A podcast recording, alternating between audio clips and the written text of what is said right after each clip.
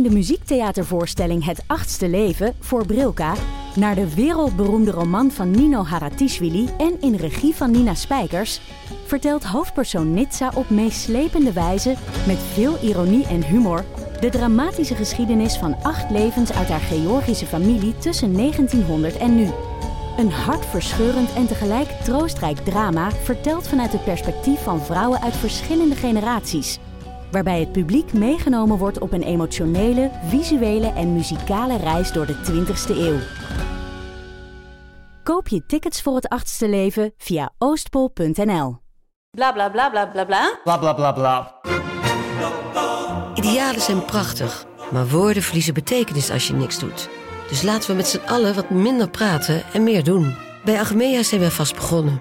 Zo gaan wij voor minder verkeersslachtoffers, gezonde werknemers en duurzame woningen. Waar ga jij voor? Kijk op www.werkenbijagmea.nl Dag lieve luisteraars en kijkers. Welkom bij Damn Honey.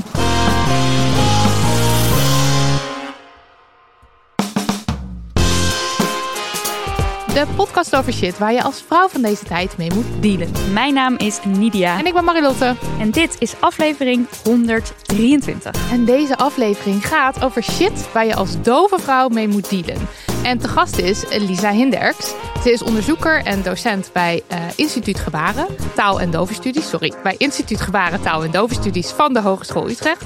Schrijft regelmatig opiniestukken rondom dovencultuur en GT, doof zijn. En ze is deaf activist. Ook werkte ze mee aan het boek Hier zijn wij, Dove Gemeenschap in Nederland. Geschreven door Bea Bouwmeester en Linde Terpstra. Hallo en welkom Lisa. Ja, hallo. Leuk om er te zijn. Ja, we zitten hier nu met jou. Ehm, maar de luisteraar thuis hoort niet jouw stem. Ehm, kun je daar wat meer over vertellen? Ja, dat klopt. Eh, er zijn hier in de studio twee tolken. Eén om eh, jullie Nederlands naar Nederlandse gebarentaal te vertalen. En de andere vertaalt mijn Nederlandse gebarentaal naar gesproken Nederlands. Ehm, dus je hoort even een eh, gat en niet mijn stem. Maar ehm, als je kijkt zie je mij wel gebaren.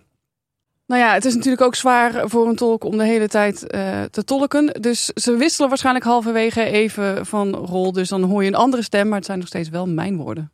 Yes. Precies. Ja, goede, goede uitleg. En eh, ja, voor eh, onze luisteraar, voor ons ook eventjes iets nieuws. Ja. Weer is. Ja. En het is dus ook zo, ik zei net al kijkers. Eh, Lisa zei net ook al, voor de kijkers die kunnen mij zien gebaren. Want ja, we hebben deze aflevering zetten we ook op eh, YouTube met een eh, tolk onderin, eh, beeld rechts onderin.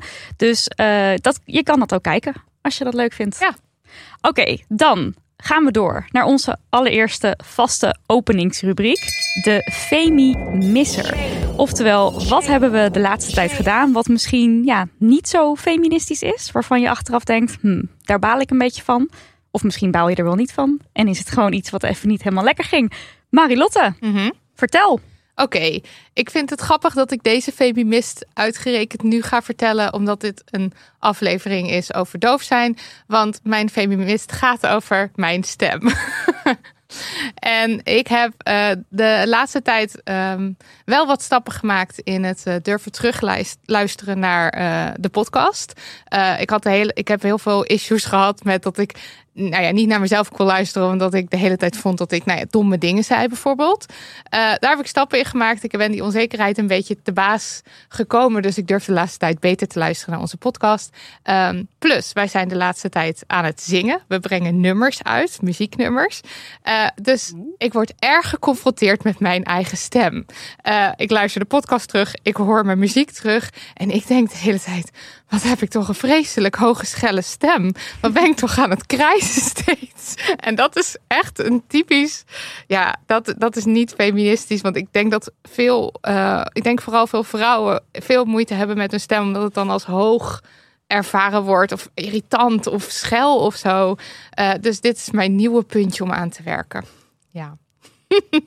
Ook wel dapper dat je dan meteen met je stem eh, liedjes uitbrengt. Ondanks deze Ja, angsten. ik dacht, eh, we gaan er gelijk hard in. Muziek. En jij niet? Oké, ik was teleur. Ik ben teleurgesteld in mezelf, moet ik zeggen. Ehm, even goed om te weten, op het moment dat deze aflevering verschijnt, dat is best wel ver nadat we hem opnemen. Eh, wat er afgelopen week gebeurde is dat uh, Lise Korpershoek, die hier ook wel eens te gast is geweest, een stuk heeft geschreven over abortus. En dat heb ik heel vaag meegekregen, maar wel meegekregen. En ik heb ook meegekregen dat daar nare reacties op zijn gekomen. En uh, nou, ik ken Lise niet, we zijn geen goede vrienden of zo, maar ik ken haar dus wel, want ze is hier dus ook te gast geweest. En ik heb dus niet een berichtje naar haar gestuurd. En we hebben ook niet met Dem Honey ja, iets gedaan, het voor haar opgenomen. Um, ik kan het wel verklaren, want wij zitten in een soort. We zijn erg uh, een beetje uitgeblust. Hoe zeg ik dat? Beetje, dat we zijn we moe. We, we, waren even ook van de Insta uh, af. Dus ik kan het wel verklaren, maar ik vind het toch een dikke tegenvaller van mezelf. Nou, ik kan op wil... zijn minst een berichtje sturen van ik krijg het niet helemaal mee, maar ik heb het gevoel dat er veel shit op je afkomt. Wat rot. Uh, sterkte. Ik, ik denk aan je. Ja, Oké, okay, ik wil me graag ook bij deze Femimisser aansluiten. Ja. Want ik heb het eigenlijk hetzelfde. Ik realiseer me nu pas dat ik er inderdaad helemaal niks mee gedaan heb. Ja. Ook al wilde ik dat wel. Dus wij gaan zo meteen een bericht, bericht sturen, naar Lise. Ja. en jij, uh, Lisa? Ja, uh, ik moet er wel goed over nadenken. Ik heb zo vaak femimissers. Um, nou ja, ik merk dat jullie uh, theatervoorstelling, daar ben ik geweest. En um, jullie vroegen op een gegeven moment wie is er blij met zijn eigen lijf. En een aantal mensen staken hun hand op en toen dacht ik, nou nou, zo zo. Wat arrogant. En toen dacht ik meteen, nou nee, helemaal niet. Hartstikke goed. Iemand is blij met zijn eigen lijf, wat goed. Dus later dacht ik, hmm, ik had het er ook nog met vrienden over. Waarom denk ik dat op zo'n moment? Dat is toch juist hartstikke positief. Aan de andere kant ook mijn eigen reactie op die vraag dacht ik, hmm, ja, ik vind dat je bescheiden moet zijn. Ik vind dat je niet te blij mag zijn met jezelf. Uh, en dat is toch ook wel uh, een zware feminisme, denk ik. Dus uh, ja. En ik heb een vraag. Dacht je dan ook echt van, oh, maar je bent helemaal niet knap genoeg om jezelf mooi te vinden? Of was het meer van dat je dat, dat, je dat durft te denken over jezelf? Ik denk dat het meer was, nou, zitten twee kanten aan. Ik denk meer als in, um, nou ja, hè, ben je dan zo mooi, pas bij het schoonheidsideaal. Aan de andere kant ook wel, um, nou ja, nou dat je dat durft over jezelf te zeggen. Ja, een beetje beide, denk ik. Ja. Goeie. Ik vind het ook leuk dat onze theatershow dit soort dingen uh, opwekt. Dat je hierover na gaat denken. Dat is ook precies de ja. bedoeling. En dat is echt, ik vind dat heel erg leuk om te horen. Tijd voor post. Tijd voor post. Post. Ja, voor post. Wij kregen de volgende brief, uh, opgestuurd door een luisteraar. Komt-ie. Beste Marilotte en Nidia. Ik werk als postbezorger in Amsterdam bij PostNL. Ik doe dit vijf dagen in de week en ik vind het ook leuk en fijn werk om te doen. Maar door verschillende situaties die zich de afgelopen tijd hebben afgespeeld, vind ik de arbeidsomstandigheden behoorlijk slecht geregeld. Wat mij echt verontwaardigd en ook wel een beetje boos heeft gemaakt, gebeurde een paar maanden geleden. Ik ben een van de weinige vrouwen die als postbezorger werkt in de postcode waar ik mijn wijken loop. En daarnaast ben ik de enige van de vrouwen die nog elke maand ongesteld wordt. Gelukkig heeft het depot, de plek waar ik de post voor mijn wijken kan ophalen, een wc en dat is best een luxe, want niet elk depot heeft er een. Maar de hygiëne daar is echt helemaal niet fijn en er wordt niks aan gedaan. De wc wordt door een vrouwelijke collega vrijwillig schoongemaakt. Ik heb nog nooit een mannelijke collega dat zien doen. En als ik menstrueer, moet ik mijn gebruikte maandverband weggooien in de gezamenlijke prullenbak die best wel vies is en geen deksel heeft. Dus dan moet ik mijn gebruikte maandverband ongezien ergens in de prullenbak verstoppen. Dit voelt elke keer heel ongemakkelijk. Ik ga mij dan bijna schamen voor mijn menstruatie, wat natuurlijk niet de bedoeling is. En toen besloot ik om een mail te sturen naar personeelszaken om te vragen of er wat veranderd kon worden aan de hygiëne. Niet lang daarna kreeg ik een antwoord met dat ik dit met mijn leidinggevende moet bespreken. Ik heb hem gesproken aan de telefoon en hij, hij, kwam op mij over alsof hij mij alleen maar vervelend vond en niet naar mij wilde luisteren. Ik citeer, ik citeer wat hij antwoordde op mijn vraag. Ik snap dat je je, dat je je ongemakkelijk voelt. Maar als ik bijvoorbeeld een prullenbak met een deksel daar ga neerzetten, is het nog maar de vraag hoe mensen daarmee omgaan. En over je menstruatie, als je het zo ongemakkelijk vindt om het op een depot weg te gooien, dan kan je toch ook plastic zakjes meenemen en het daarin doen en dan nergens ergens anders weggooien. Dit is toch niet normaal? Zo ga je toch niet met je personeel om? Na dit telefoongesprek belde ik mijn moeder op en die sprong zo, zo ongeveer uit haar vel van boosheid en verontwaardiging. En ik heb het aan mijn vriendin en mijn vrienden verteld en die reageerden precies hetzelfde. Ik ben benieuwd wat jullie ervan vinden en wat jullie zouden doen in deze situatie. Vriendelijke groetjes. Lisa. Nou, echt belachelijk. Totaal belachelijk. Kom op zeg. Het minste wat je kan doen is toch gewoon even een prullenbak neerzetten met een deksel. Ik bedoel, wat is daar dan weer mis mee met een deksel op een prullenbak? Nee, echt belachelijk. Ah ja, echt. Ik ben sprakeloos. Maar ik vind het dus ook heel bizar hoe er, geen, hoe er op sommige depots blijkbaar geen eh, wc is. Ja, dat? nou ja, dat ook. Eh, de- de- ik neem aan, de- ik bedoel, oké, misschien is ze in, in deze wijk de enige vrouw die ongesteld wordt, maar er zijn toch meer vrouwelijke postbezorgers. Er zou toch gewoon een soort, overal een soort basis moeten zijn. Maar ook als je last van eh, prikkelbaar darmsyndroom of zeg Ja. maar, het is niet alleen maar voor ongesteld zijn Nee, dat je waar, een ja. wc nodig hebt. Gewoon mensen hebben wc's nodig. En tijdens je wijk kan je natuurlijk niet. Precies. eh, er zijn vaak geen openbare toiletten. Dat is ook heel slecht geregeld Maar in even, Nederland. eh, prikkelbare darmsyndroom, ja, maar ook gewoon, mensen moeten toch plassen? Precies. Mensen moeten toch poepen? Ja. Mensen moeten toch gewoon, hallo, Ja. excuse me, wat is happening? Maar wat doen we? Wat, wat, wat eh, raden we aan? Ik, ik ben, ik ben, ik ben echt, echt sprakeloos. Hoe kan dit? Ja, ik vind het ook echt. Ik zou bijna zeggen, klaag die man aan. Maar goed, dat is natuurlijk ook een beetje overdreven. Maar zet er zelf een prullenbak neer. Maar ja, dat is ook weer zo flauw. Hij moet het gewoon regelen. Ik bedoel, Ja, het zou ook raar zijn als je dan opeens moet gaan investeren eh, in je eigen Ja. prullenbak. Maar ook, ik vond het ook wel, nou ja, een soort tussen aanhalingstekens grappig dat hij dan iets zegt van eh, een prullenbak daar gaan neerzetten. Is het nog maar de vraag hoe mensen daarmee omgaan? Huh? Wat denkt hij dat er gaat gebeuren met een deksel? Met een prullenbak met deksel? Want mensen gaan op hun hoofd zetten of Wat zo? wou je dan? Wat ze Wat doen? bedoel je? Ehm, maar ik dacht, eh, voor, eh, oké, voor ehm, haar individueel zou ik dus denk ik wel zelf iets van een prullenbak kopen. ehm, of iets waar je prettig mee voelt. Want die suggestie ook met die plastic zakjes meenemen. Ik heb dit vroeger veel gedaan omdat ik me zo schaamde voor mijn menstruatie. En ik was de hele tijd met plastic zakjes aan het heuwen. Die zaten gewoon in mijn rugtas. En die moest ik dan. Dat is, dat, dat is, dat is echt vreselijk. Dat zou ik niemand aanraden. En dat is ook helemaal niet hoe het hoort. Ik denk dat ik voor mezelf nu in deze situatie wel een prullenbakje zou kopen. En zorgen dat het zo prettig mogelijk wordt op deze wc. Maar ik zou het ook hoger opzoeken. Bij PostNL überhaupt, denk ik. Ik weet niet wie de grote bazen zijn. Ja. Maar eh, echt een, een, een brief op poten sturen hoor. Naar, weet ik veel, een directieleidinggevende gewoon echt bam daar. Op LinkedIn zoeken wie dat dan is. En dan Het hoger opzoeken. ja, precies. Ja, klopt. Ik vind het ook wel goed dat het, eh, nou, het bespreekbaar maken. Hè? Ehm, een beetje jammer dat dan je dan deze reactie krijgt, maar dat zij het bespreekbaar maakt, is heel goed. Maar inderdaad, reactie nemen, de prullenbak. Maar wat jij zegt, een prullenbak neerzetten, dat is al voor andere vrouwen ook fijn natuurlijk. Ehm, en als je inderdaad een brief naar hogerop stuurt, vraag dan eh, van ook van, goh, zorg dat die wc wordt schoongemaakt. En dan niet door die ene vrouwelijke collega. Ja, Dat is toch ook een beetje bizar. laten we het daar ook nog even over Oh hebben. my Ja. god. Dus dat is iemand die heeft helemaal niet, die is helemaal niet iemand die schoonmaakt voor, voor haar werk, maar gewoon een van de collega's die dat dan op zichzelf maar weer op, op zich neemt. Ja, Ja. omdat niemand anders het doet. Omdat het dus blijkbaar heel bijzonder is dat er op een depot een wc is. Ik kan hier niet Nee. bij me. Maar ik heb dus wel het gevoel dat, ehm, even afgezien van hier, ik, het lijkt mij dat deze basisbehoeften, dat, dat je hier wel medestanders in kan vinden. Zeker. Hier hoef je niet eens mensen die ook ongesteld eh, worden te hebben. Je gewoon mensen die willen, willen plassen en poepen. Gewoon, hoi, wil jij plassen en poepen op je werk? Nou, eh, onderteken ook deze brief die we nu Ja. gaan sturen naar eh, de directie. Want dit kan eigenlijk helemaal niet. En we eisen op elk fucking depot een schone wc met een prullenbak. Ja, nou, Yes. wij gaan allemaal, als we kunnen tekenen ergens. Ja, please Doen we stuur het. ons eventjes die, we, we, anything. Ik, eh, ik, ik sta hier helemaal achter. Ja, zeker. Hooggeëerd publiek, het is weer sponsortijd. En vandaag hebben we een theatervoorstelling voor jullie in de aanbieding die ons zo aansprak dat we meteen tickets hebben geboekt. Het gaat om Shakespeare's Coriolanus. Coriolanus van het Nationale Theater.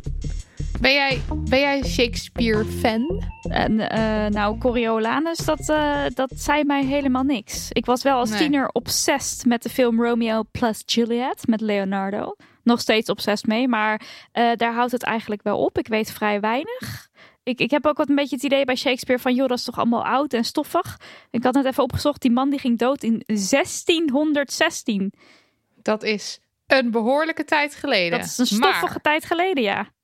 Een stoffige tijd geleden. Maar regisseur Nina Spijkers heeft dit toneelstuk van Shakespeare afgestoft en bewerkt. En ze heeft van de hoofdpersoon uit het stuk, de woedende generaal Coriolanus, Coriolanus. een vrouw gemaakt. Oh, In plaats van een man. En die wordt gespeeld door Jela de Koning. Plus, het is dus nog altijd een mega actueel stuk. ja, dus wel. Ik, zag, ik las sowieso al de quote, een quote van Spijkers. Eh, ze zei, bij elke zin die ik las, dacht ik, dit is nu. Shakespeare schrijft over een door oorlog veroorzaakt graantekort en hoe boze burgers overheidsgebouwen bestormen omdat ze zich niet gehoord voelen. En nou, dat deed mij natuurlijk meteen denken aan de kapitoolbestorming in de VS van twee jaar Ja. geleden. Ik ben ook erg benieuwd naar de verdere overlap met het nu. Maar ook die woedende, onuitstaanbare Coriolanus. Ja. Ik kan niet wachten, want een vrouw die echt vol boos en grof en driftig mag zijn, dat, dat zien we niet vaak. Eh, nou, ik zie dat regelmatig als ik met jou aan het werk ben. Lullig. Ja, sorry. Des te meer zin om dit met jou te gaan zien. En daarna de parallellen tussen jou en ons kort te bespreken. Hmm. Ehm, en deze vrouw, ja, ik ga naar achter eigenlijk liever de deur niet meer uit, s'avonds. Dus ik ben helemaal in mijn nopjes, want we gaan naar een matineevoorstelling om drie uur 's middags. Je kan me niet blijer maken. Ben jij nou net zo nieuwsgierig geworden als wij naar Coriolanus? Eh Coriolanus, Coriolanus. speelt nu... Coriolanus, ja, ik kan het niet laten. Eh Coriolanus speelt nu in theaters door het hele land tot en met 7 april. En we hebben leuks, want we mogen 20% korting geven op eerste en tweede rangs kaarten. Ga daarvoor naar www.hnt, het Nationale Theater.nl slash damhoney. Daar staat de speellijst en als je doorklikt naar het door jou gewenste theater, kun je uiteindelijk de code podcast invullen. En dan krijg je die korting. En er zijn een beperkt aantal kortingskaarten beschikbaar, dus wees er snel bij. En voor studenten geldt er trouwens sowieso al een kortingstarief. Dus check die speellijst op hnt.nl slash damhoney of, eh, of kijk even in de show notes. Coriolanus. Coriolanus! Ja, sorry hoor, je bent er niet van ons af. Ja, we gaan zo echt door met de aflevering, maar nog één laatste ding. Een laatste huishoudelijke mededeling. Want Internationale Vrouwendag komt er weer aan. 8 maart, mensen. Ja, en meteen even voor de types die op 8 maart zeggen Vrouwendag, Vrouwendag. Dan zou er ook een mannendag moeten zijn. Die is er, die is op 19 november. Hebben we dat ook maar meteen even gehad, hè? Maar we hebben het dus nu over Internationale Vrouwendag. En op die dag, 8 maart dus, trekken wij het land in. Met wc-rollen van de Good Roll. Vanwege alle shit waar we nog mee moeten dealen. Om de wc-rol zit een wikkel met daarop allerlei feiten en cijfers rondom die shit. En we hopen zoveel mogelijk mensen die geen idee hebben op deze manier duidelijk te maken dat er nog heel wat werk aan de winkel is in Nederland. En denk jij nou meteen, mijn, mijn baas, mijn moeder, mijn bakkertje op de hoek moet die wikkel lezen? Nou, kom dan vooral een wc-rol ophalen. Of, of meerdere wc-rollen, kan Ja, ons joh. schelen. Joh. Ja. ja, en laat ze achter op plekken waarvan jij vindt dat het feministisch woord nog wel eh, verspreid mag worden. We gaan naar de volgende vier locaties om rollen uit te delen. En locatie 1 is Groningen, Ja, om half tien in de ochtend zijn we bij Boekhandel van der Velde op de Grote Markt. Nijmegen, Om één uur zijn we bij Boekhandel Dekker van de Vecht. Utrecht, Om drie uur zijn we bij Savannah Bay. Amsterdam. En om vijf uur eindigen we de boel bij Scheltema. Ja, en we blijven overal ongeveer drie kwartier hangen, want we zitten dus op een tight schedule om langs al deze plekken te gaan. Dus wees op tijd. En dan komen we nou niet naar jou toe, niet getreurd. De wc-rollen komen misschien wel. Eh, die sturen we namelijk ook op naar een aantal boekhandels waar je ze op kunt halen om die shit te verspreiden. En er volgt nog een lijst met boekhandels die meedoen. Stay tuned. Toent. Toet!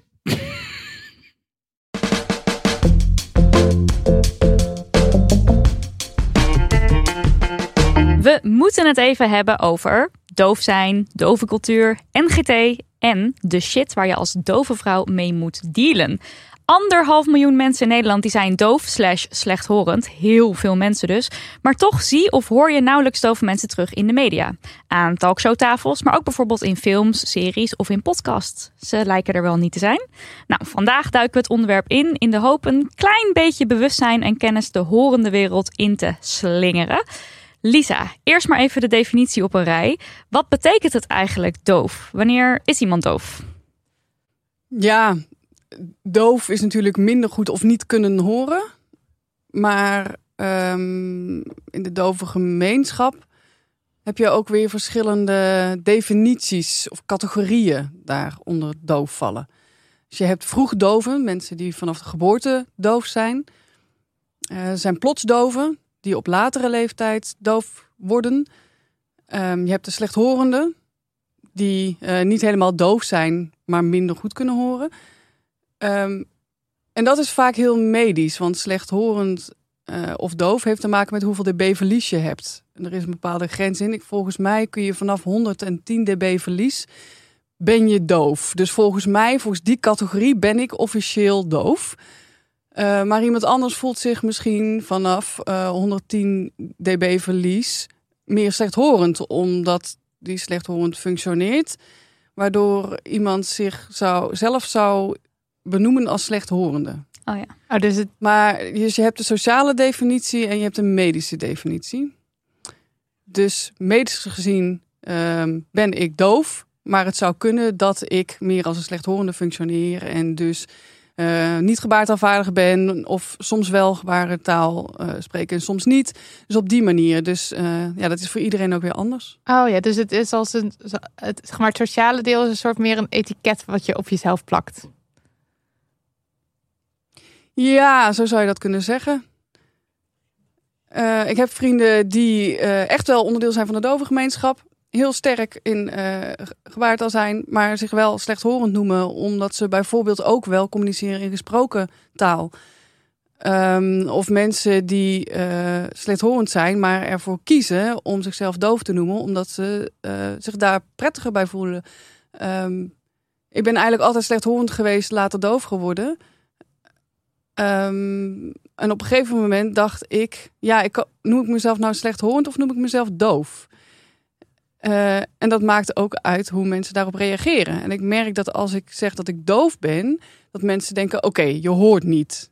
Uh, en dan gaan ze beter hun best doen. Als ik zeg dat ik slechthorend ben, zeggen mensen, oh, oh, dan hoor je nog wel een beetje. Dus het is oké. Okay. Uh, dus dan gaan ze minder hun best doen. En dat is heel raar, maar het gebeurt wel. Ze verwachten dan eigenlijk van, nou, oh, als jij slechthorend bent, dan kan, ik, kan je wel gewoon even makkelijk uh, ja, lip lezen of je ja, redt je wel, zeg maar. Ja, precies. Ja, wordt minder meegedacht. Ja, klopt. En ik voel me ook wel onderdeel van de dovengemeenschap. En dat heeft een eigen cultuur, een eigen taal. En ik voel dat ik daarbij hoor, dus mijn identiteit is doof. Dus, uh, en daar voel ik me heel sterk in. Dus het is ook een gekozen naam, doof. Uh, waar ik trots op kan zijn. Ja, precies, manier. waar je trots op bent. Ja. Ja. En je zei net al van, oké, okay, nou, als mensen mij als, als slechthorend uh, zien, dan gaan ze minder hun best doen, minder meedenken. Dat is denk ik, of dat is dan een vooroordeel over, of een soort stereotype beeld van wat mensen hebben van iemand die doof is en iemand die slechthorend is. Wat zijn uh, meer stereotype beelden over mensen die doof zijn? Uh, er zijn er zoveel. um, echt hele stomme dingen. Uh, maar bijvoorbeeld in films of in media zie je, als er doof zijn, staat er vaak uh, de, de vraag onder: kun je wel autorijden? Kun je lezen? Um, kun je, of, of andere talen? Of is, is gebarentaal universeel? Dat zijn de standaardvragen die je krijgt en die iedereen over kent en die iedere keer weer terug hoort. Uh, maar er zijn ook wel bepaalde opmerkingen als in, nou, wat zie jij er goed uit voor een dove? Mm, yeah. En dan denk ik echt, hmm, oké, okay, dit is heel awkward. Um, maar het gebeurt wel. Ik heb uh, een keer um, um, heeft mijn vader verteld op een verjaardagsfeestje dat uh, ik heb twee dove kinderen, want mijn broer is ook doof. En toen werd aan mijn vader gevraagd: "Oh, wonen die dan in een instelling?" Uh, nee. ik bedoel, hè, natuurlijk heb je, is iedereen anders, hè? Maar als doof over het algemeen kun je zelfstandig leven, kun je auto rijden, kun je je boodschappen doen. Ik bedoel, maar er zijn sommige mensen die, die dan heel, heel beperkt denken in, in wat doof zijn is. Ja. Ja.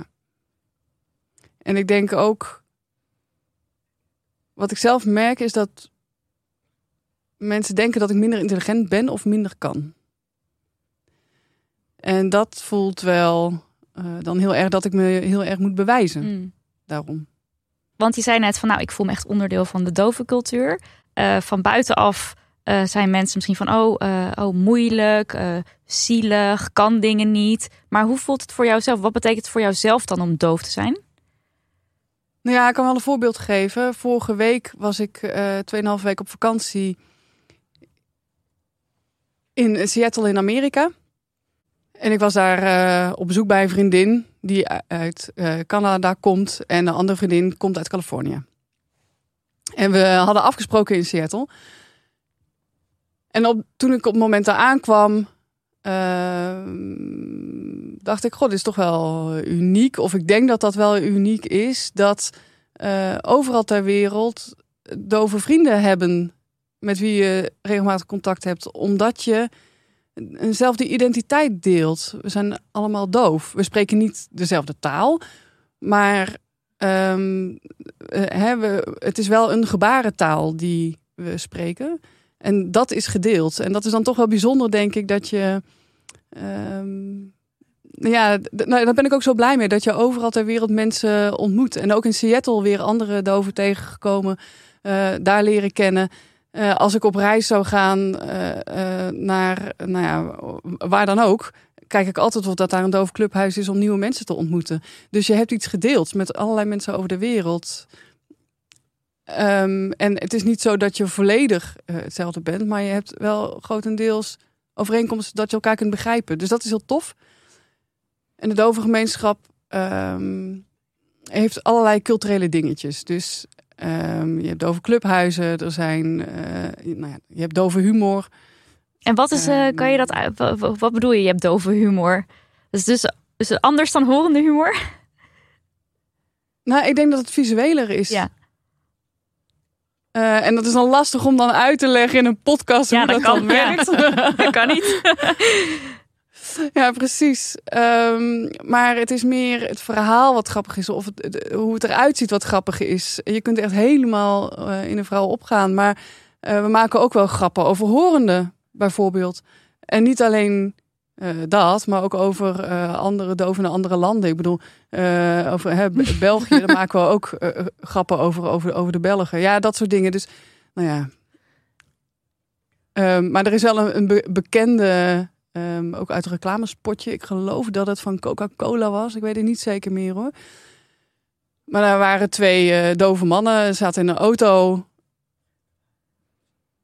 En die waren vergeten waar een dove vriend van ze woonde. En ze dachten, hoe komen we daar nou achter waar die ook weer woonde? Dachten, nou, we gaan gewoon eh, eh, tuteren. En dan eh, bij een- in, alle, eh, in de straat gingen alle lichten aan bij alle huizen. En bij één huis niet. En dan Ja. wisten ze, nou ja, daar woont dus onze vriend. Nou, Ja. Dat soort, dat soort Dove humor, ja. Dove humor, ja. Check. Ik heb ook eh, gelezen dat er zoiets bestaat als een soort dove tijd. Deaf, deaf Standard Time. Ja, Daar ja. zou ik ook graag meer over willen weten. Ja, eh, DST wordt het genoemd, Deaf Standard Time, inderdaad. Ehm, dus doven komen vaak te laat of blijven ergens heel lang hangen. Eh, en dat komt omdat we elkaar niet zo heel vaak zien. Omdat doven zo verspreid wonen over de wereld en over het land. Dus als je elkaar dan ziet, kun je echt urenlang kletsen. En moet je bijkletsen. En oh ja, dit. En oh ja, had ik al dat verteld.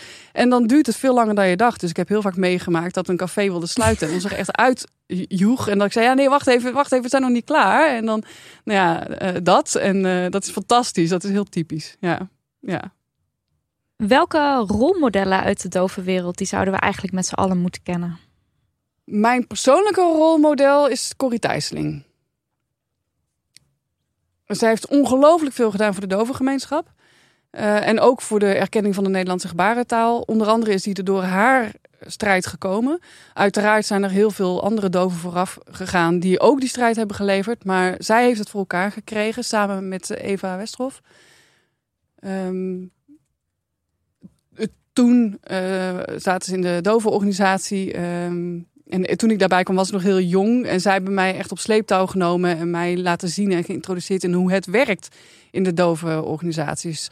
Dus eh, zij zijn ontzettende rolmodellen voor mij. Voornamelijk Corrie Thijsseling. En ja, verder... ehm, ja, het is mooi dat er zo'n zoveel verschillen zijn in, in de dove gemeenschap. Dat iedereen zijn eigen kwaliteiten heeft. Ehm, kennen jullie ingebaren?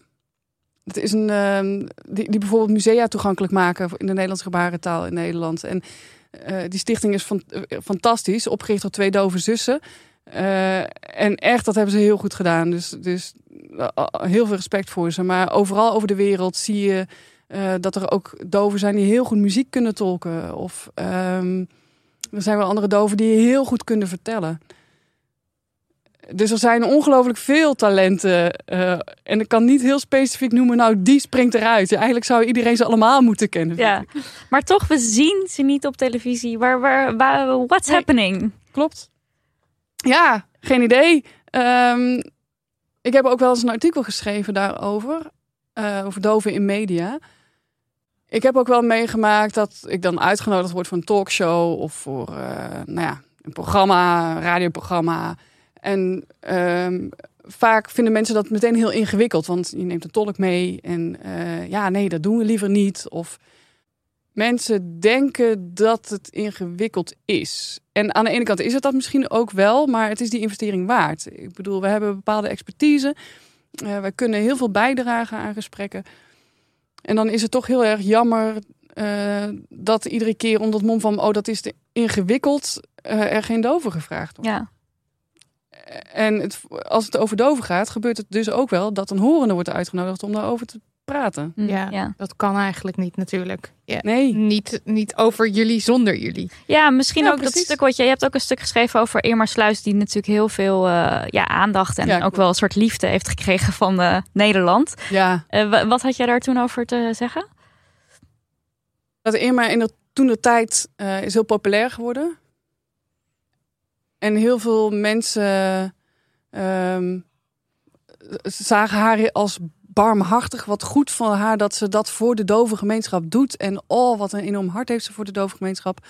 En ook, en wat kan zij prachtig gebaren. Van dat soort dingen. En ergens kreeg ik het gevoel, ja, het is gewoon haar werk. Ik bedoel, uh, dat is toegang voor dove mensen. En dat is logisch, want wij hebben recht op toegankelijke informatie. Maar het was heel erg vanuit een. alsof zij echt zo'n onze savior was. Uh, zij komt de doven redden of zo. En dat, dat stak me een beetje. Plus ook het, de opmerking: wat kan zij mooie gebaren? Denk, hoe weten jullie dat? Spreken jullie gebarentaal? Hoe, hoe zien jullie dat? Ik bedoel, hè, Irma is goed. Laten we dat even vooropstellen. Maar er zijn doven die nog mooier en nog beter kunnen gebaren. Dus dat, dat die focus lag zo op Irma. Dat zij ineens bekend werd. Maar de hele dove gemeenschap uh, heeft daar heel weinig aandacht voor, voor gekregen. Er zijn weinig doven in media. Je ziet doven nooit ergens. En dan is er een horende die tolkt voor de, ons. En dan vervolgens krijgt die horende alle aandacht. En dat was wel pijnlijk. Ik zag... Waarom gaat die aandacht dan niet naar de dove gemeenschap? Ik zag toevallig vandaag een uh, eh, ESL-talk, denk ik, weet niet zeker, die, die zei van ja, ik kreeg net weer eens een compliment van een horend iemand die geen ESL spreekt, dat ik het zo goed deed. Wat natuurlijk ja, gewoon een bizar compliment is van iemand die gewoon de taal niet spreekt. Ja. Daar doet het me aan denken. Hé, hey, maar iets anders, want kijk, uh, jij zit hier nu, maar je komt wel weer praten over doof zijn. En dat is natuurlijk ook ja. iets wat niet oké okay is. En ook deels wel, maar je snapt denk ik wel wat ik bedoel. Kan je daar iets meer over vertellen? Ja, ik snap wat je bedoelt ja, eh, van tevoren hebben we er ook over nagedacht. Goh, ik word uitgenodigd om te praten over doof zijn. Weer.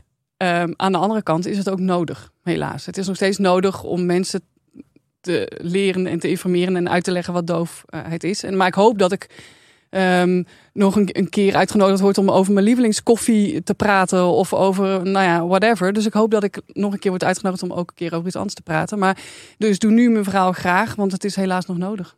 Ja. Ja, en het is natuurlijk. Um, ik, eh, ik zag dat jij een stuk had geschreven over For One World, over, over uh, een aantal dove mensen. Tipte je daarin die dan over bepaalde onderwerpen konden praten. Want ik, ik zat daar ook daar te kijken van, kunnen we die dan uitnodigen? Maar ja, dan ging het over planten.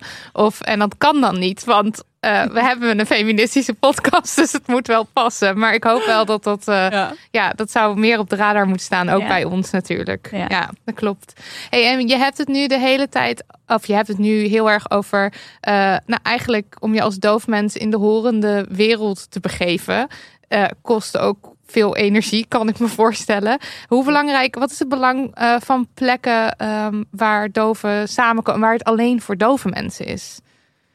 Ja, goed punt. Want in het begin zeiden jullie ook, um, jullie voelen je uitgeblust, uh, omdat er iedere keer dingen gebeuren die je raken. Of uh, je moet iedere keer die strijd leveren. En um, dat gevoel had ik vorig jaar ook. Ik ben een aantal maanden was ik gewoon op. Het was me te veel. Ik kon niet meer. Um, ja, het kost allemaal energie. En het doet iedere keer weer pijn. En het doet je iedere keer weer verdriet. En als je dan onderdoven bent, uh, dan hoef je die strijd of die pijn of dat verdriet is er dan niet. Of minder. Ik zeg niet dat het helemaal weg is, maar die voel je minder. Ja, en dat is heel lekker. Ik bedoel, het is heel lekker om in je eigen taal uh, te kunnen nou ja, praten over gewoon het leven. Dus niet over doof zijn. Het gaat helemaal niet over doof zijn. Doof zijn is dan helemaal geen issue. Uh, wij zijn hier gewoon met z'n allen en we zijn hier samen. En ik denk dat dat heel belangrijk is. Want als dat er niet was geweest, poeh, dan had ik het niet geweten. Ik ben er echt heel blij mee. Um, uh, je vrienden zien, bepaalde evenementen uh, waar je heen kan om je weer even op te laden. Ja, ja even een safe space waar je terecht kan en even, en dan kan je daarna ja. die strijd weer ja. leveren.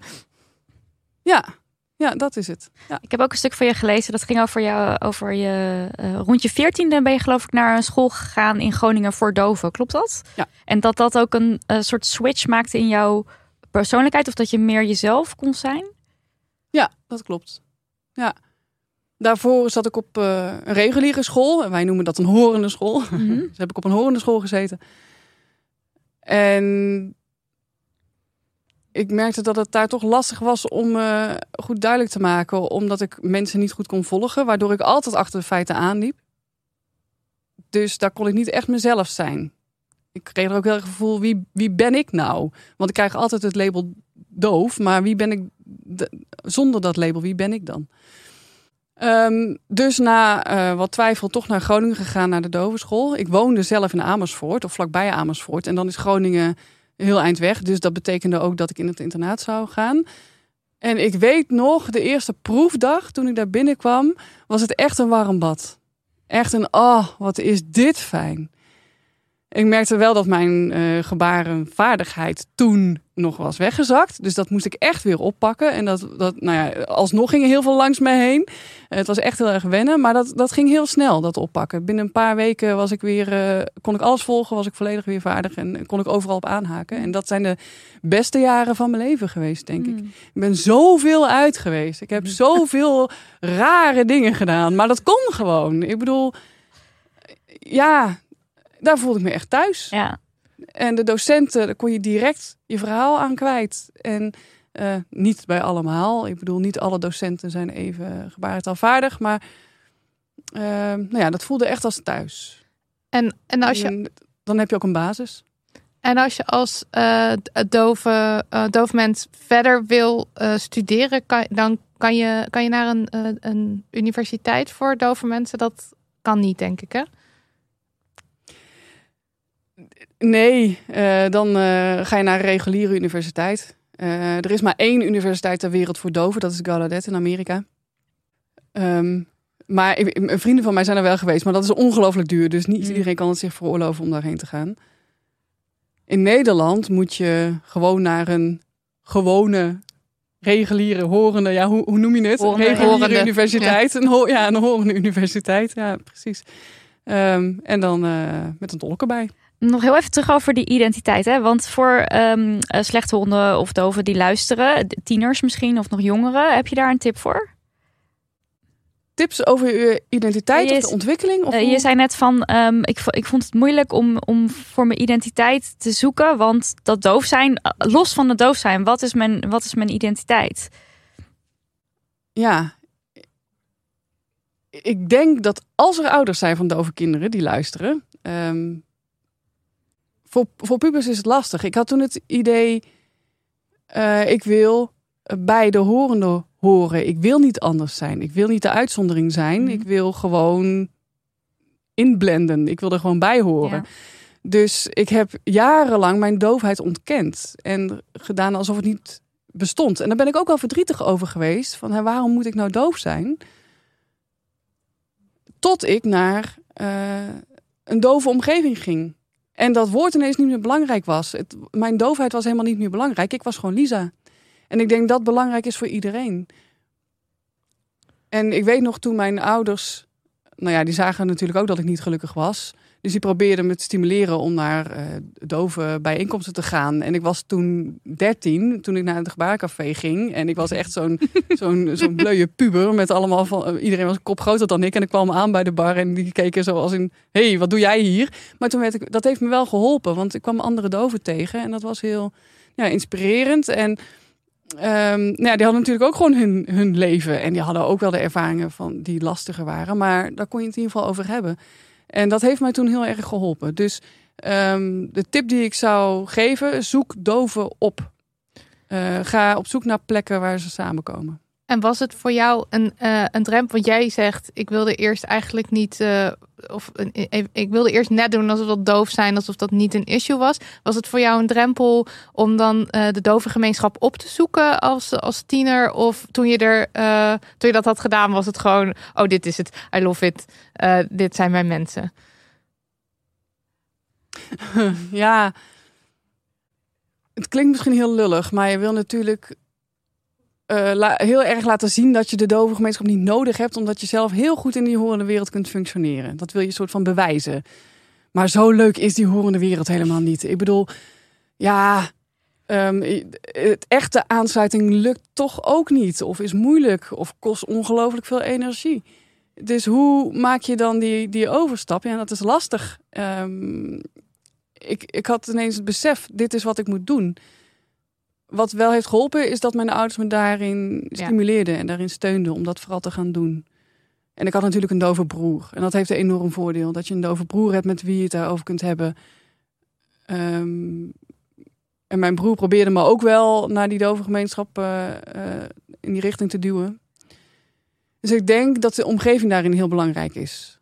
En de, de, de dingen die mensen om me heen zeiden, zal ik nooit vergeten. Er werd gezegd van, oh, um, je hebt die doven niet nodig als je dat als ouder zou zeggen en je hoort, zou dat van je ouders horen, dan uh, sommige mensen die dingen in je, in je omgeving zeggen, blijven altijd hangen. Dus stel dat de ouders zeggen, uh, je moet niet bij die doof willen horen of je moet, uh, je moet daar niet, niet, niet, naartoe gaan. Dat heeft natuurlijk invloed op hoe je je voelt, ook over je eigen doofheid.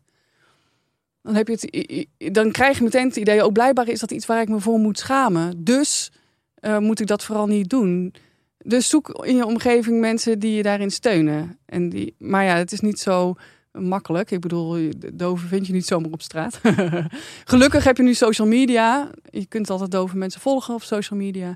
Um, er zijn verschillende evenementen die georganiseerd worden. Dus daar kun je altijd naartoe.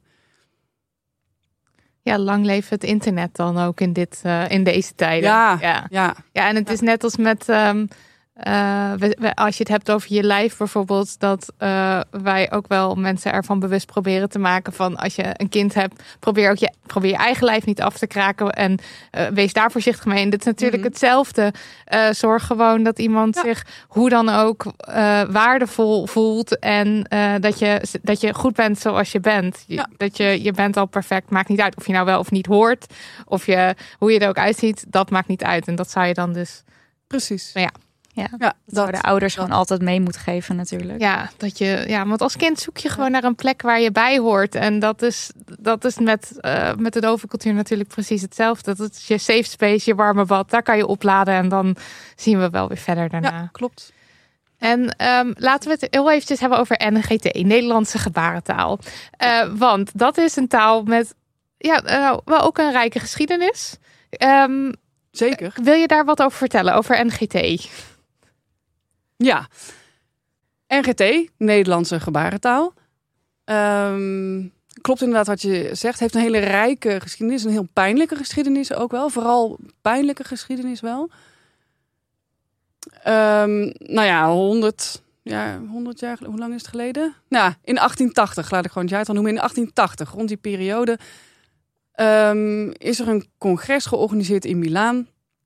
Waar gezegd werd, laten we die gebarentaal maar even niet meer doen. eh, laten we gaan voor de orale methode. En ook in Nederland is dat jarenlang zo geweest. Dus dat uh, binnen het onderwijs uh, er niet gebaard mocht worden. Als je wel gebaartaal gebruikte, werd je echt op je handen geslagen. Dan werd je gestraft.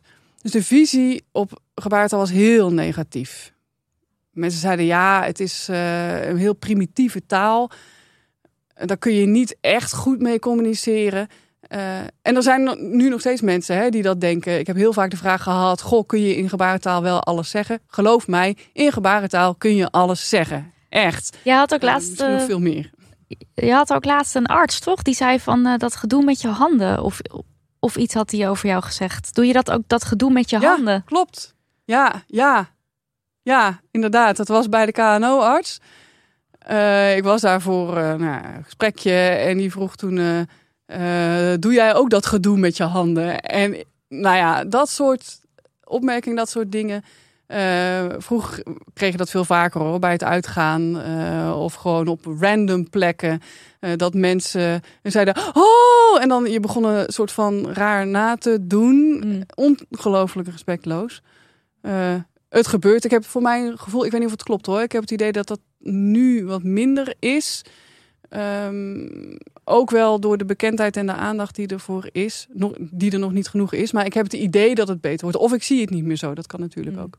En, uh, en Nederlandse gebarentaal is ook sinds uh, twee jaar, geloof ik, toch? Als, echt als officiële taal erkend. Ja, klopt. Ik vind dat ja. heel kort, echt gênant kort geleden. Maar het is goed Ja. dat het zo is.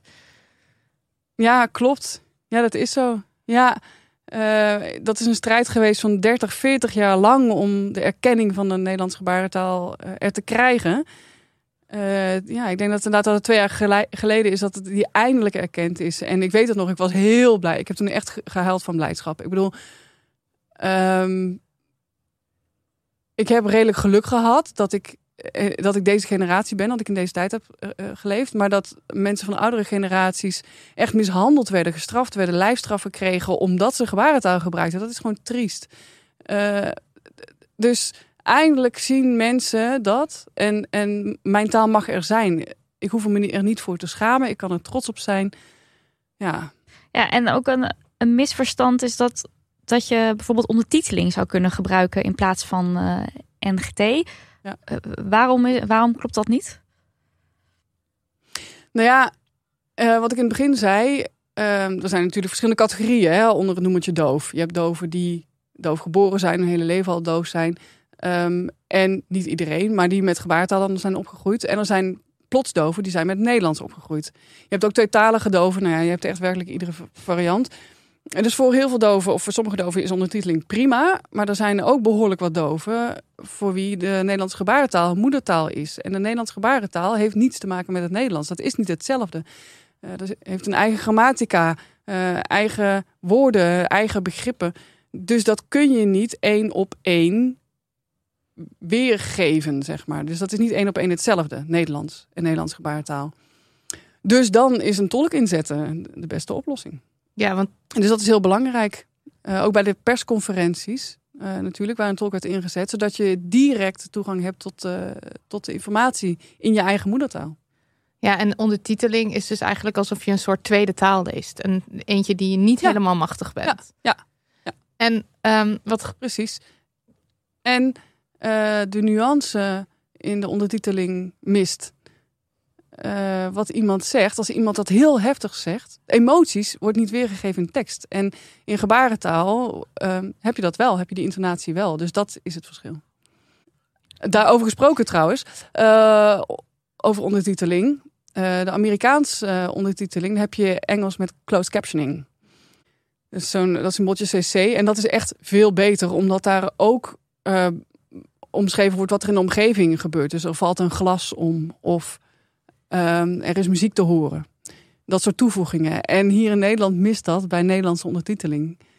En dat is toch heel beperkt. Alleen de textuele weergave van wat er wordt gezegd. Maar wat er verder te horen is, weten we niet. Als er ineens iemand vermoord zou worden en uh, daarvoor heb je al spannende muziek in een film, hè, dan um, jullie voelen dat aankomen. Voor mij is het ineens, wow, waar komt dit ja, vandaan? Ja, ja. Dus ja, dat, het, het, het, geluid heeft meer dan alleen maar. Uh, ja, dat maakt sens.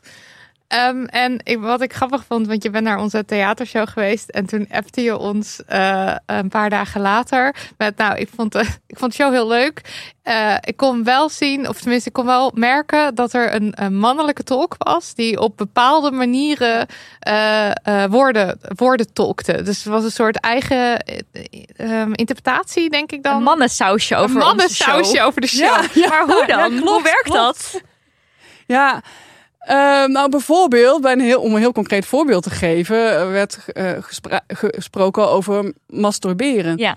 Maar hij zei masturberen als in de mannelijke vorm van masturberen het af. Afkijken. Maar daar had hij het ja, helemaal precies. niet over. Ja, het gebaar. Dus toen dacht ik, ja, nee, dat is echt weer typisch een man.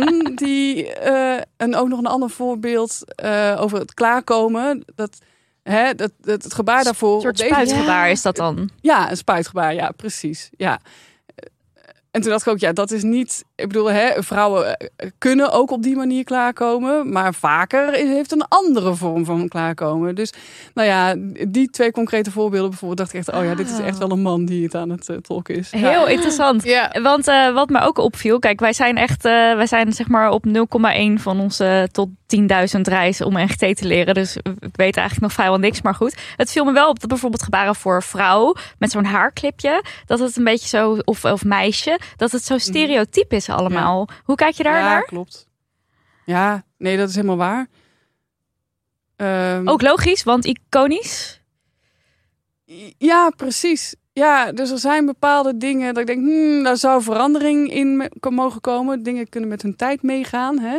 Maar het is ook weer lastig. Het is ook namelijk wel heel erg duidelijk meteen, het is visueel. Er is ook uh, international sign. En dan is -hmm. het uh, dit het gebaar ah, ja. voor vrouw. Dus echt het borstgebaar. Zodat, ja. Nou, dan is dat nog erger. Ja. Ik bedoel, uh, je, je, doet ook niet het gebaar voor piemel voor man. Dus waarom doe je wel het gebaar borst voor vrouw? Ja. ja. Dus um, hè, we hebben ook geprobeerd, doe dat het andere gebaar voor vrouw. Dus net dat, dat, dat oorbelgebaar, dan is wat minder, minder stereotyp. Oh ja, oorbel, niet haarknipje. Dat zei ik fout net. En en ja. als het, um, uh, want, ik, want ook, ook nou, taal verandert, dus NGT verandert ook. Is, uh, de, de, dus is het, is het uh, waarschijnlijk dat, het, dat dit soort woorden, dit soort stereotype woorden uiteindelijk dan ook dus anders worden? En wie bepaalt dat? Dat gooit gewoon met de, met de gemeenschap mee dan. Als, mensen, als genoeg mensen denken, dit moet anders, passen we het aan? Ja, ik denk dat het uh, hetzelfde gaat als bij het Nederlands. Als genoeg mensen zeggen, hey, laten we dit eens anders noemen, dan verandert het wel. Ja. Uh, wij hebben wel het Nederlands Gebarencentrum. Um, bepaalde um, Nederlandse woorden, daar is nog geen één concreet gebaar voor. En dat is wel nodig. Het is wel handig om daar een gebaar voor te hebben. Uh, en daar hebben ze het gebarenatelier voor. Dat is een groep die samenkomt en overlegt welke gebaren worden er zoal gebruikt in Nederland. Zijn er in omloop? Uh, of internationaal wordt er ook wel gekeken. Wat wordt er voor deze term uh, gebruikt? Laten we kijken wat dan het meest passende is. Mhm. En dan wordt het gepubliceerd. Dus in dit gebaar wordt het meest gebruikt of past het best bij het concept. Oh ja. Dus het kan uh, zijn bijvoorbeeld het gebaar voor um, lesbisch, homo, lesbienne en homo, ja, dat, dat is ook totaal niet meer passend. Het is lesbisch en, en, en ja, een beetje de. Ik vind de die heel leuk. Twee, twee benen, zeg maar. Ja, oké. Okay. Ja, sommige mensen vinden het prima, andere mensen vinden het toch een, wat minder passend. En ook voor homo, het tikken op de handrug. Ja, het is heel is, erg uh, ja, denigrerend. Dus we proberen dat, er wordt wel geprobeerd om dat te veranderen naar twee andere gebaren ja. die ook internationaal worden gebruikt. Um, ja, taal moet natuurlijk ook ontwikkelen. Heeft een Het- tijd nodig om te veranderen. Ja. Dat doe je niet zomaar. Ik zag wel op het gebarenwoordenboek dat er het woord brus of eh sibbe, dus een genderneutraal woord voor broer of zus, was toegevoegd. En toen was ik zo van, yeah, want ik weet niet of dat al in de Vandalen staat, maar het staat dus wel in het gebarenwoordenboek. Dat is erg En toen was ik zo van, in dat ah, geval ook. lekker bezig mensen. Ja. Ja, nice. Eh, even kijken, ja, NGT-wise eh, zijn we dan denk ik... Ja, eh, precies. ja, we kunnen eindeloos praten over NGT, denk ik. Maar laten we inderdaad doorgaan en dan even een korte tolkenwissel doen. Ja. Oké, dan gaan we door eh, met de shit waar jij mee moet dealen als dove vrouw. Kun je een paar voorbeelden geven? Ja, ehm, ja, sommige dingen, de shit waar ik als doof persoon mee moet dealen, die heb ik. Of de shit waarmee ik moet dealen als dove vrouw. eh, of als alleen een vrouw, of als de combinatie als dove vrouw. Ja, ik denk dat ik, ehm, als ik het heb over als dove vrouw zijnde, eh, ja, iedereen heeft het natuurlijk op straat wel eens meegemaakt dat je wordt nagedroepen of nagefloten. Of ehm, eh, dat er dingen worden geroepen naar je, weet ik veel. Nou ja, dat hoor ik dus niet. Maar ik zie het wel gebeuren. Mhm. Dus ja, ik heb geen flauw idee wat iemand dan zegt. Dus het kan heel erg zijn. Of, ja, of misschien wel heel positief. Maar het blijft nog steeds heel raar als iemand je op straat naroept. En soms voel ik me daardoor een beetje onzeker. Omdat ik denk van wat zeg je nou? Moet ik daarop reageren of, of niet? Eh, dus eh, ja, daar word ik wel wat onzeker van. Bijvoorbeeld voordat ik hier kwam. Ik liep toen dus eh, hier naartoe. En toen opeens was er een, een fietser, een man die langskwam en die schreeuwde iets naar mij. Dus ik dacht ook van, oké, wat gebeurt er allemaal? Wat heb ik gedaan? En ik wist ook niet wat hij zei. En iedereen keek opeens naar mij op straat. Dus Oh, ik ja. dacht van, oké, eh, ja, ik, ik weet niet waar dat dan mee te maken had. Maar goed, ehm, ja, zeg maar buiten de dove gemeenschap, eh, ehm, ja, kunnen mensen mij eh, nou ja, als dove persoon of dove vrouwen eh, of als vrouw eigenlijk alle, op alle drie gebieden eigenlijk onderdrukken of discrimineren. Ja, en ik, ja, ik denk natuurlijk is het vervelend. Ik heb ook vervelende dingen meegemaakt als vrouw zijnde. Ehm, ook tijdens uitgaan bijvoorbeeld. Ja, bijvoorbeeld mensen die je dan betasten. Of ehm, ja, dingen tegen je zeggen. eh, of typen in mijn geval. Dat is, ja, dat, dat, dat is ook wel vervelend. En dat komt ook wel aan. Ja. Maar dat gebeurt dus niet alleen buiten, maar ook binnen de dove gemeenschap. Dus ehm, ja, helaas moet ik zeggen dat binnen dove gemeenschap we ook te maken hebben met, eh, met seksisme en ook racisme.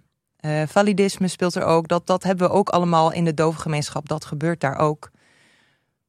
En ik denk dat heel veel mensen ja, een beeld hebben van, eh, ja, of veel doven hebben het beeld van, ja, wij zijn doof en wij zijn allemaal hetzelfde en we hebben allemaal dezelfde ervaringen. En het is echt wij versus de horende. Maar eigenlijk met heel veel dingen moeten wij ook eh, zien, kijken naar onze eigen positie. Ik ben een witte eh, eh, dove vrouw. Ik heb de ervaring van racisme niet. Maar ik kan, ja, ik, ik weet wel dat het gebeurt. En ik, ja, ik heb ook stomme dingen gedaan. Dus ik moet ook altijd kijken naar mijn eigen positie, wat dat dan is. Want we hebben ook wel invloed daarin op elkaar. En ik denk dat dat eh, eh, ook wel heel erg mist. En ik, ik heb dat ook wel eh, ook meegemaakt als dove vrouw. Dat er van dove mannen opmerkingen komen. Of eh, fysieke grensoverschrijdend gedrag. Of betuttelend gedrag. Eh, of dat ze denken dat ik zwak ben. eh, omdat ik dan vrouw ben. Dus dat soort dingen gebeuren dan ook. Ja. Ja, ja dus dat is heel triest. Maar het, het, het gebeurt overal, ja, kan ik zeggen. Ik bedoel niet alleen in de dove gemeenschap. Maar ook eh, ja, overal in de samenleving. Ja, Je, je ziet dat in, Ik denk- el- in, elke, in elke wereld, binnen een wereld, zie je al die, al die verschillende Ja. ehm, mechani- mechanismen. Ja. Ja. En ik denk ook misschien wel wat het nadeel dan is van, eh, ja, van, van dove mensen, is dat we eigenlijk al eh, veel informatie missen in de samenleving. Dus bepaalde discussies die er gaande zijn. Ehm, ja, of onderwerpen die er spelen. eh, die, dat komt ook niet altijd bij ons aan, omdat het niet toegankelijk is in Nederlandse gebarentaal. Of het wordt niet ondertiteld of wat dan ook. En ja, op dat soort gebieden heb ik soms wel het idee dat ik achterloop, omdat die informatie gewoon niet beschikbaar eh, en toegankelijk is. En ja, dan is het natuurlijk wel een, een dubbel obstakel. Ja. Het wordt je eigenlijk. eh, de, de optie om überhaupt de, de- het te weten, wordt je ontnomen. Ja, want en je of hebt- je het vervolgens zou willen weten, dat Ja. is dan weer een tweede. Maar je kan, je kan er eigenlijk niet eens bij. nee, bij want waar, waar wij vaak roepen, educate yourself of zo, dat kan dan eigenlijk Ja. niet, omdat je, omdat je die, Precies. je kan er niet heen. Mhm. Ja, ja, Ja, en, en podcasts zijn er natuurlijk eh, eigenlijk bij uitstek een, eh, een, eh, voorbeeld van. Want Ja. ontzettend ontoegankelijk. Hoe, hoe kijk je naar de podcastwereld? Ja, nou ja, ehm, ja, dat weet ik niet. Ik ken het niet. Ik bedoel, dat is, eh, het is een onbekende wereld voor mij. Eh, nou voelt het soms wel, wel als een groot gemis eh, voor mij. Of nou ja, ik, ja, ik weet natuurlijk niet wat ik niet weet. Maar ik mis wel heel veel informatie wat er wel allemaal is. Ehm, ik, ik, het is er, maar ik kan er niet, niet bij. Ja. En dat Ja. vind ik wel heel jammer. Dat dat niet kan. En het is een gemiste kans. Ja, vooral natuurlijk nu podcast wordt groter. En dan heb je bijvoorbeeld een podcast die, eh, die heel veel geluisterd wordt. Brand in het landhuis of zo. Dat is dan een voorbeeld van een soort van true crime achter iets. Wat dan heel erg zo in kranten. Of dan zie je dat opeens overal oppoppen. En dat is dan totaal niet toegankelijk. Oh, En het is, eh, ik denk dat eh, nou, wij allebei wel podcast nu heel erg gebruiken als, als Leer. eh, als leer, eh, hoe noem je dat, medium. Als wij iets meer willen weten over een onderwerp, zoek ik altijd eerst een paar trefwoorden in de podcast-app. En vaak is er dan wel een podcast over gemaakt die ik dan kan luisteren. ja. En dat is echt een bron aan informatie die voor mij, nou vrij recent, eh, nu misschien wel echt het eerste waar ik naar grijp. En dat eh, die hele wereld wordt je eigenlijk compleet ontzegd als doof mens. Ja, nou ja, precies dat. Ja.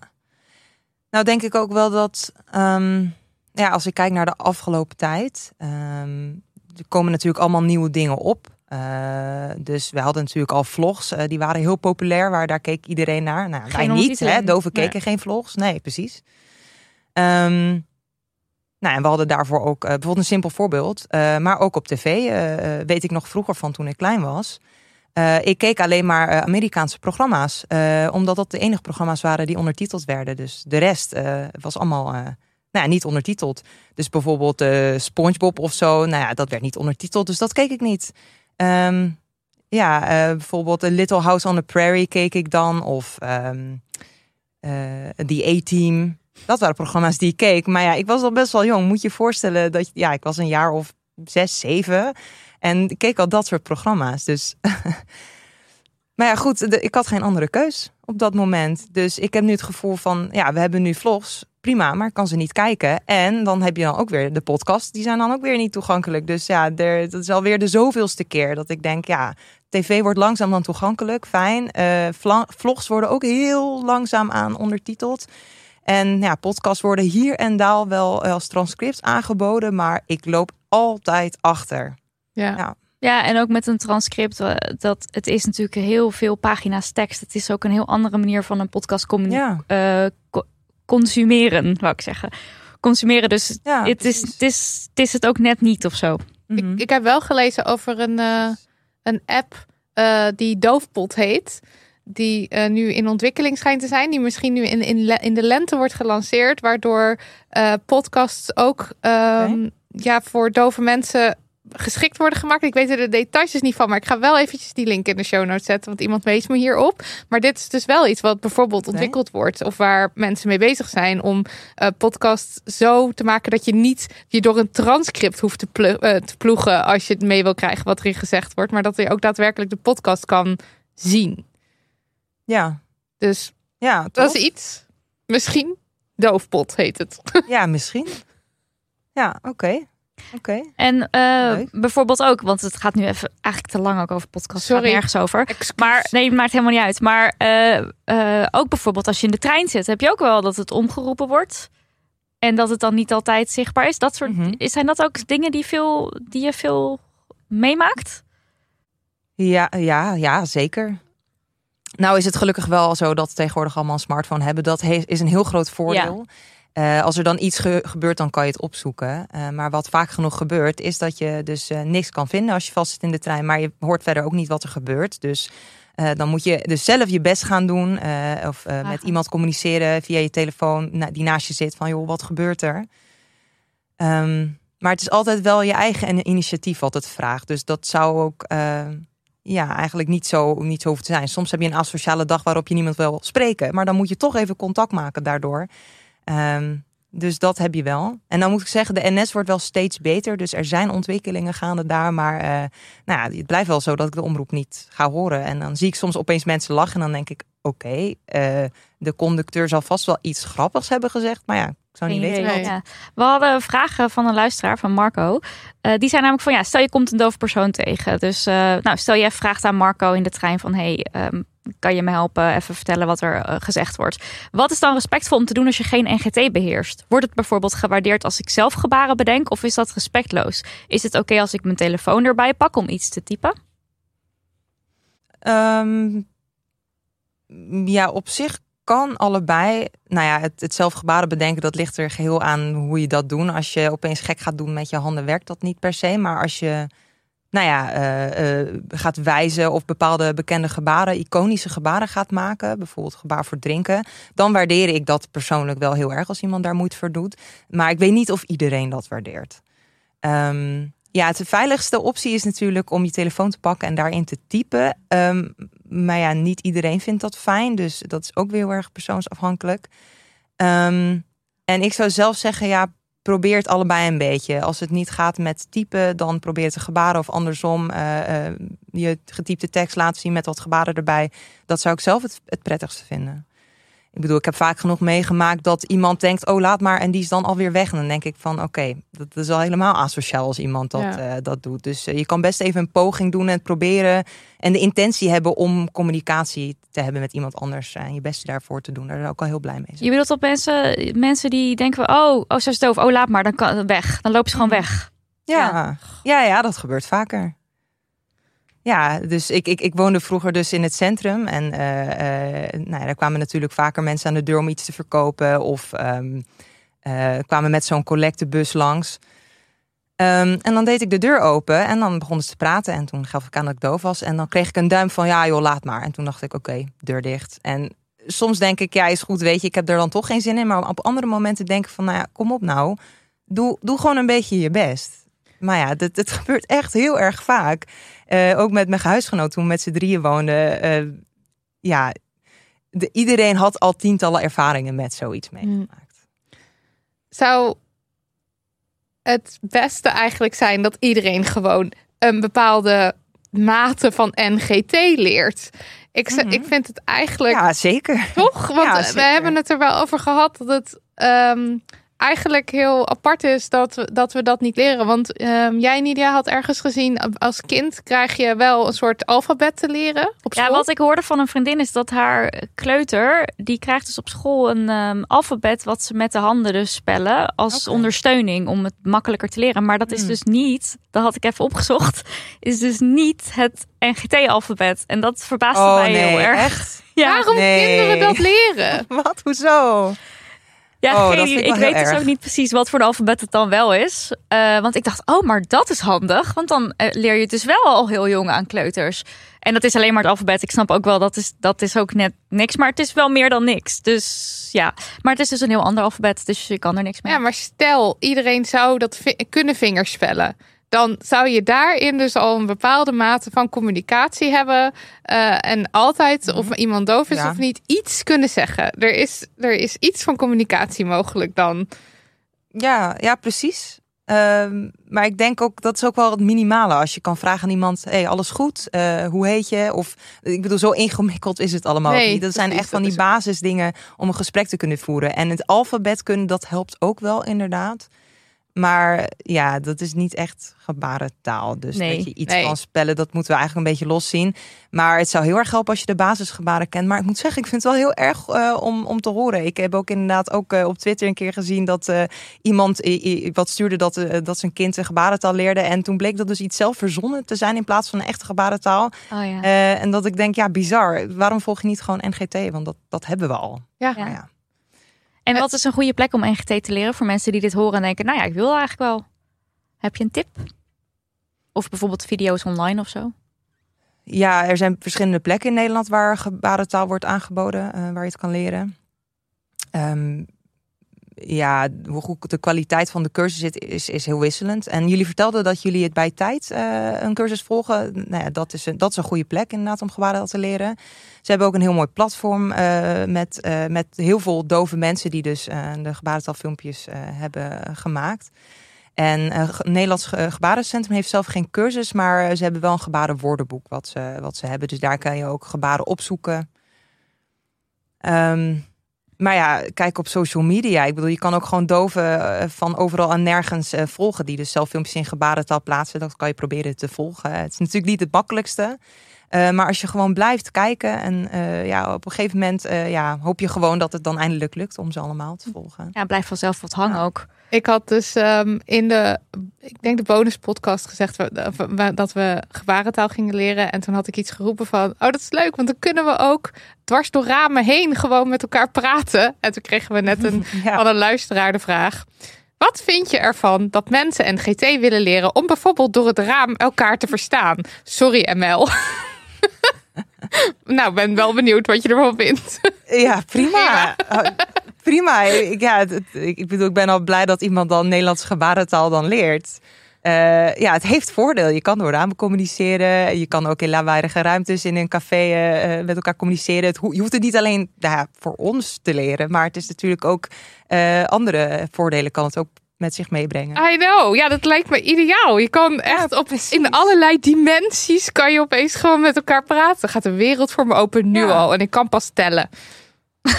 En dan deed ze het nu nog net verkeerd Eén, voor. twee- wacht, sorry. zo. 1, 2, 3, 4, 5. Oké, heel erg. goed. Ziet er Ja. goed uit. Oké, eh, even terug naar de shit. En niet, Even terug naar en niet shit, naar jouw sorry. tel skills. Sorry, excuses weer. Oh nee, ik moet geen sorry zeggen. Geen sorry. Ja. Ehm, oh ja, hoe kunnen, hoe kunnen we ervoor zorgen dat eh, werkplekken en eh, onderwijs, winkels, nou ja, eigenlijk gewoon de hele maatschappij inclusiever wordt voor, eh, voor dove mensen? Want zoals het nu is, het is misschien beter dan vroeger, maar we zijn er nog lang niet. Eh, wat zou jij graag zien? Nou, dat iedereen gebarentaal leert. Ja, een beetje flauw om te zeggen misschien, maar ja, dan ben je gauw klaar. Ja. Ehm, ja, ja, hoe maak je dingen toegankelijker? Ehm, ja, ik, ik zou zeggen stoppen met alleen maar kijken naar het auditieve stuk. eh, maar ja, maak dingen visueler en op die manier toegankelijk. En dat is natuurlijk niet alleen voordelig voor dove mensen, voor ons, maar heel veel andere mensen vinden het ook prettig als je op verschillende manieren informatie aangeboden krijgt. Ehm, ja, bijvoorbeeld dat kan in de vorm van tekst of ja, in gebarentaal. Ik, ik snap dat dat niet realistisch is om dat overal te doen. Dat zou natuurlijk mooi zijn, hè, de ideale wereld als dat kan. Ehm, maar je kan tekst natuurlijk ook in eenvoudig Nederlands aanbieden. Ehm, eh, gebruik maken van plaatjes. eh, daardoor wordt het ook al visueler. Of dat je tekening gebruikt. Ja, weet ik veel. Ik bedoel, eh, bedenk het maar. Maar als het maar visueel is, dan, dan maak je het al toegankelijk. En dat zou al heel veel schelen. Ja, en ehm, ja, dat, dat eigenlijk. Ja, dat, dat zou ik dan vooral zeggen. ja, meer visuele aspecten. Lijkt me Ja. ook heel logisch om daar maar eens te Ja. beginnen. Oké, we Precies. moeten langzaamaan gaan afronden. Ehm, laten we even duiken in kijk- of leestips of dingen die mensen kunnen, tot zich kunnen nemen als ze zich verder willen verdiepen in de doofcultuur. Ja, eh, in het begin zeiden jullie ook al, het boek eh, Hier zijn wij. Ja, ik heb daar zelf aan meegemerkt, dus het is een beetje zelfpromotie, maar goed. Eh, dat is een heel mooi boek, eh, eenvoudig, duidelijk geschreven, ook heel visueel. Ehm, dus dat zou zeker mijn tip zijn, lees dat. En ehm, ja, ik heb een heel lijstje Ja, meegenomen. leuk. Kom En maar als- door. En als je dus echt eh, de diepgang wil opzoeken over dit onderwerp, dus als je wil kijken naar de geschiedenis van de doofcultuur, kijk dan naar het boek van Corrie Tijsseling. En dat heet School Waar. En dat gaat over de geschiedenis eh, van het dovenonderwijs. Dat is een ontzettend interessant boek. eh, en dat is eh, van haar promotieonderzoek. Dus het is, ja, het is echt wel een behoorlijk dik boek. Zware kost. Maar zeker heel erg interessant. Ehm, ja, en als je dus iets, iets luchtigers wil, wil lezen, dan kan je het boek True Biz lezen. Dat is van Sarah Novich. Dat is een Amerikaanse schrijfster. En eh, eh, zij heeft een roman geschreven. En daar gaat het dus over eh, een paar dove leerlingen die op een dovenschool zitten. En nou, hoe het leven hun vergaat. En dat is een heel leuk verhaal. En als het goed is, komt het boek ergens in de zomer uit. Ja, het is ook weer een beetje zelfpromotie, want daar heb ik dus ook weer aan meegewerkt. Ehm, eh, maar dat komt dus, de Nederlandse vertaling komt daarvan uit in de zomer. Ehm, ja. En eh, ja, wat je eigenlijk gezien moet hebben, is eh, de aflevering van de Hokjesman over eh doven. Dat is een hele leuke aflevering, heel mooi gemaakt. Ik heb ook echt het, ja, het idee, ik voel daar herkenning. En Doofkind, ja, dat is een docu van Alex de Ronde. En hij heeft over zijn dove zoon een docu eh, van eh, Tobias eh, de Ronde, een docu gemaakt.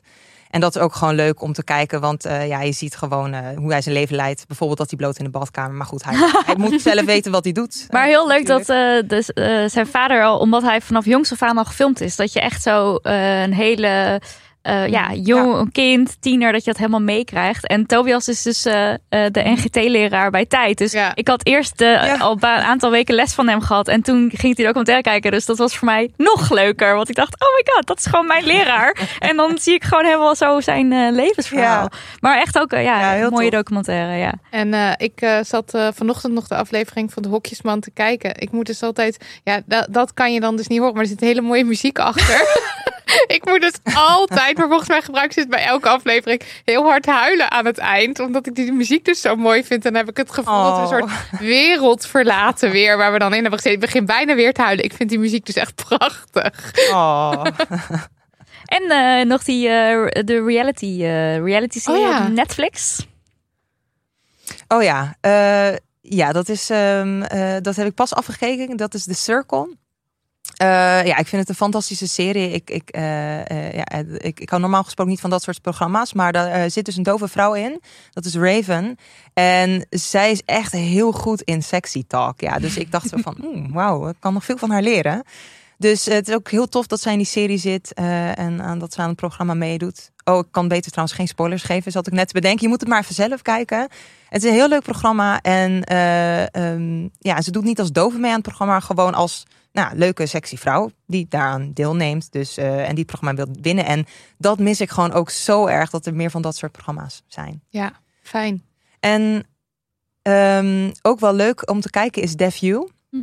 Het is wel grappig trouwens, want toen dat uitkwam, toen was er zoveel discussie over gaande in de dove gemeenschap. Er werd echt gezegd van, oh, dat is echt slechte representatie van doven. Eh, ja, want er gebeurt van alles in die serie. Dus eh, eh, eh, zwangerschappen per ongeluk, grote ruzies. eh, ehm, Veel nou ja, seks ook, allemaal toch? drama. Het studentenleven. Ja. Studentenleven. Ja, want dit speelt zich dus af op Ja. Ik weet niet of ik het goed zeg. Oh, wel- Ja, ja, precies. En dan volg je een aantal studenten gewoon in hun, in hun leven. Ja. Mhm. Maar dat, Ja, ik vond het zelf heel grappig. dat is heerlijke representatie. ja, Gewoon van eh Mhm, regular mensen die toevallig doof zijn.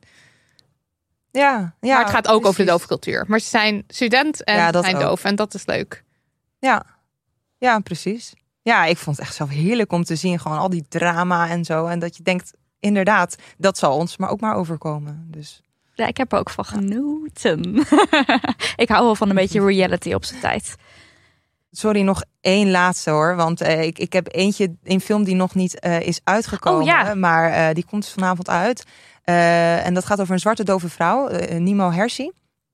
En die komt vanavond in première. Ik heb hem dus nog niet gezien, maar ik verwacht dat het een fantastische film is.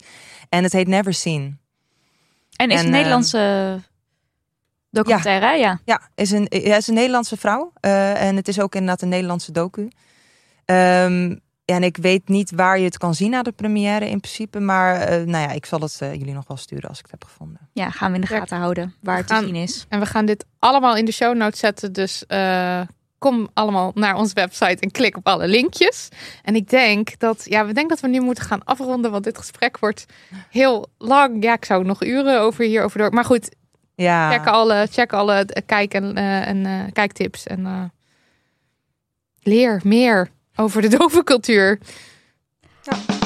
Dit was aflevering 123. Dankjewel Lisa dat je bij ons aan wilde schuiven en eh, je kennis met ons wilde delen. En laten we dan hierbij eh, officieel de afspraak maken dat je nog een keer terugkomt over een heel, heel ander onderwerp. Wat wel aansluit Yes, op feminisme, maar niks met doofheid Ja. te maken heeft. Eh, de show notes vind je op demoney.nl slash aflevering streepje 123. En daar vind je ook eh, het transcript van deze aflevering. En dus ook een linkje naar de YouTube eh, versie met NGT-ondertiteling. hoe zeg je dat? NGT-tolk. NGT, ondertiteling. Ja, Ja, vertaling. Vertaling. Mhm. Bedankt Daniel van de Poppen voor de edit, Lucas de Gier voor de jingles, Lisbeth Smit voor de website en Melissa van der Zanden voor de geweldige stagiaire die je bent, aan het zijn bent en ook voor alle show notes die je hebt uitgetypt op dit moment. Bedankt transcriptmakers. Dat is uh, nou één de software van Amberscript, want die uh, maakt het een stukje makkelijker voor ons. En vervolgens de mensen die het dan dus echt letterlijk zitten uit te typen. Paulien, Juna, Yvonne, Imke, Melissa, Paula, Pieke, Guusje, Tess en Maaike. Stuur post naar info.damhoney.nl en of geef geld via petjeaf.com slash damhoney. Of niet. Zelf weten.